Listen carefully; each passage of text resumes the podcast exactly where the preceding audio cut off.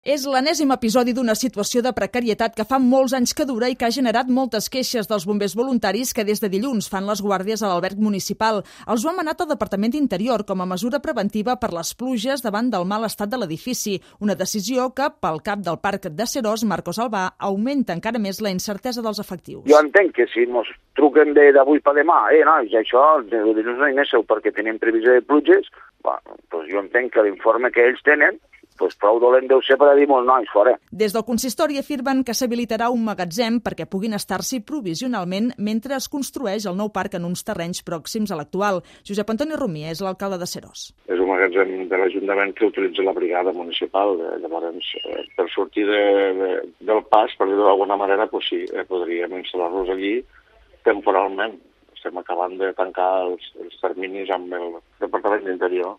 Suposo que durant aquest mes ho farem. Segons Interiors, ja s'han encarregat les bases per treure concurs al nou projecte del Parc de Bombers Voluntaris de Serós que dona servei a tota la zona del Baix Segre.